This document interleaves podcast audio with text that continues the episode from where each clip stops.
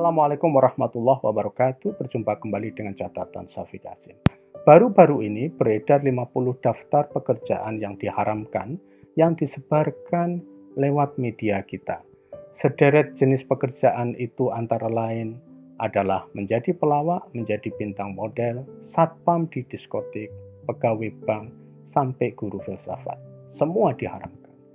Dari segi pengharaman jenis pekerjaan, nampaknya daftar ini dibuat oleh kelompok hijrah yang bermadhab Wahabi Salafi.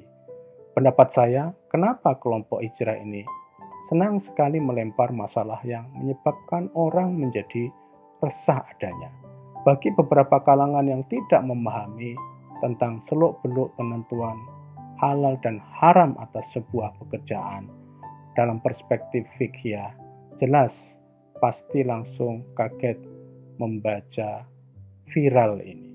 Di dalam Islam prinsipnya mencari pekerjaan untuk hidup adalah hal yang diperbolehkan. Bahkan bagi mereka yang bekerja untuk menafkahi keluarga mereka adalah sebuah kewajiban.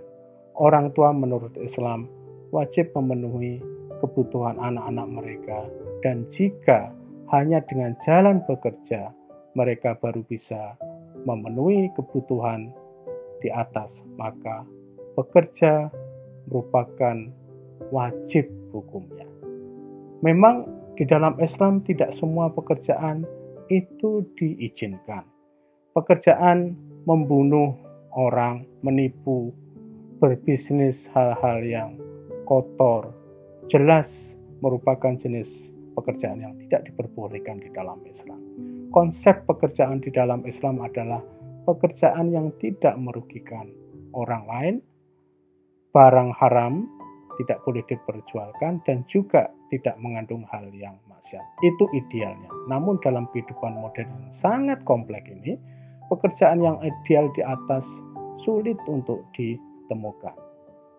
Kaum hijrah ini dalam memandang kehidupan yang kompleks di atas tidak memikirkannya juga secara kompleks.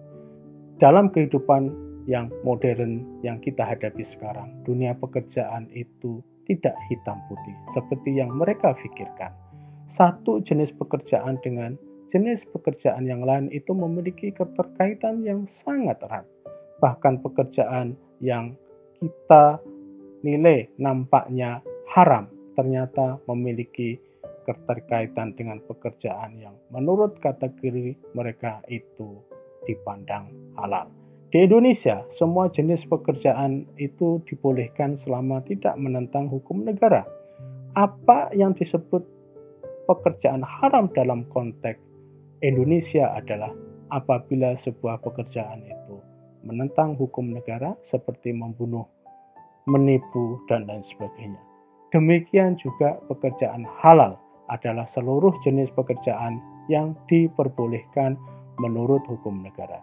Jika seseorang itu bekerja pada sebuah klub malam dan klub malam ini tidak ada tanda-tanda melanggar hukum negara, maka pekerjaan seseorang itu adalah legal menurut hukum negara.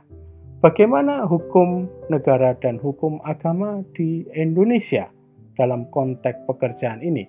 Kalangan hijrah ini selalu beranggapan bahwa hukum negara itu akan selalu berbeda dengan hukum agama. Cara berpikir seperti ini tidak seluruhnya benar sebagai negara yang agamis, hukum negara juga mendapat pengaruh dari hukum agama. Namun hukum agama yang tidak memandang persoalan dengan hitam putih sebagaimana yang mereka pikirkan. Menghukumi sebuah pekerjaan itu halal dan haram jelas bukan merupakan perkara yang mudah dan gampang. Di dalam dunia yang serba sulit seperti ini, sebuah pekerjaan atau profesi itu juga merupakan hal yang rumit. Satu pekerjaan dengan pekerjaan lain memiliki hubungan yang kompleks.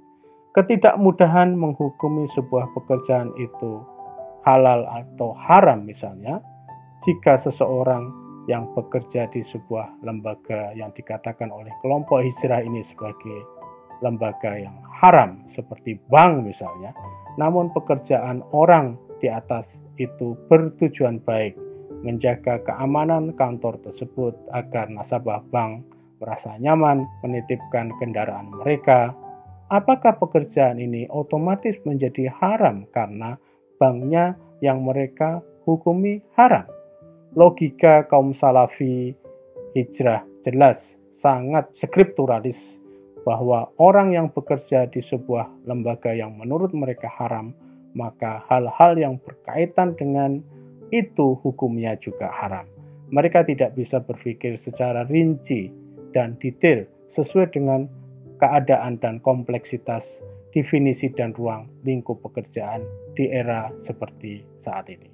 Mengapa mereka juga tidak memasukkan pekerjaan para mubalek yang kerjanya menyebarkan kebencian ke dalam masyarakat kita itu sebagai pekerjaan yang haram? Kalau kita kembali ke dalam perspektif hukum Islam dan juga filsafat hukum Islam, orang yang bekerja di sebuah diskotik belum tentu dikatakan sebagai haram. Bagaimana itu bisa terjadi? Maka pakailah cara berpikir penentuan halal dan haram di dalam perspektif yang rasional. Pertama, seseorang bekerja di kantor atau tempat kerjaan yang haram namun tetap pekerjaan mereka dianggap halal itu didasarkan kepada beberapa pertimbangan. Pertimbangan pertama adalah pertimbangan hukum Islam. Jika orang tersebut tidak menemukan pekerjaan lain selain pekerjaan tersebut, maka dia dibolehkan untuk bekerja. Yusuf Korodowi memiliki pandangan yang arif dalam hal ini. Dia mengatakan jika kebutuhan hidup seseorang hanya bisa dipenuhi dengan pekerjaan di mana di dalamnya ada unsur dan perkara maksiat dan itu dalam keadaan memaksa atau darurat, maka seorang tadi tetap dibolehkan untuk bekerja dengan catatan bahwa seorang di atas memang terpaksa oleh keadaan dan juga tidak melampaui batas. Hal itu sebagaimana diungkapkan juga di dalam Al-Quran, surat Al-Baqarah ayat 173, tetapi barang siapa dalam keadaan terpaksa memakannya, sedang ia tidak menginginkannya dan tidak pula melakukannya secara melampaui batas, maka tidak ada dosa baginya. Sesungguhnya Allah Maha Pengampun lagi Maha Penyayang. Selain model pendapat hukum seperti yang dikemukakan oleh Yusuf Al-Qaradawi di atas, juga ada pendapat kedua di mana sesungguhnya meskipun seseorang itu bekerja di dalam profesi yang mana di dalamnya ada unsur kemaksiatan atau keharaman, maka itu semua dikembalikan pada niat orang yang bekerja itu. Niat adalah penentu segalanya al-umuru bima qasidiha. Artinya segala hal itu digantungkan pada niat orang yang bekerja itu sendiri. Jika misalnya seseorang bekerja itu justru ingin memperbaiki tempat mereka bekerja dan ingin berdakwah, maka dia boleh bekerja di tempat yang pekerjaannya ada unsur maksiatnya. Argumen ini sebenarnya ingin memandang pekerjaan seseorang itu harus terpisah dari orang yang bekerja dan dengan lembaga yang bekerja. Ini jalan keluar yang masuk akal dalam situasi yang serba sulit dan rumit seperti yang kita hadapi pada saat ini. Sebagai catatan, saya melihat bahwa penyebaran dan pemviralan uh, sebagaimana di atas ini memiliki unsur politik. Di era COVID-19, sebuah pekerjaan itu bukan perkara mudah untuk mempertahankan, apalagi mencarinya. Maka pemviralan 50 pekerjaan yang diharamkan di atas justru memperkeruh keadaan di dalam masyarakat.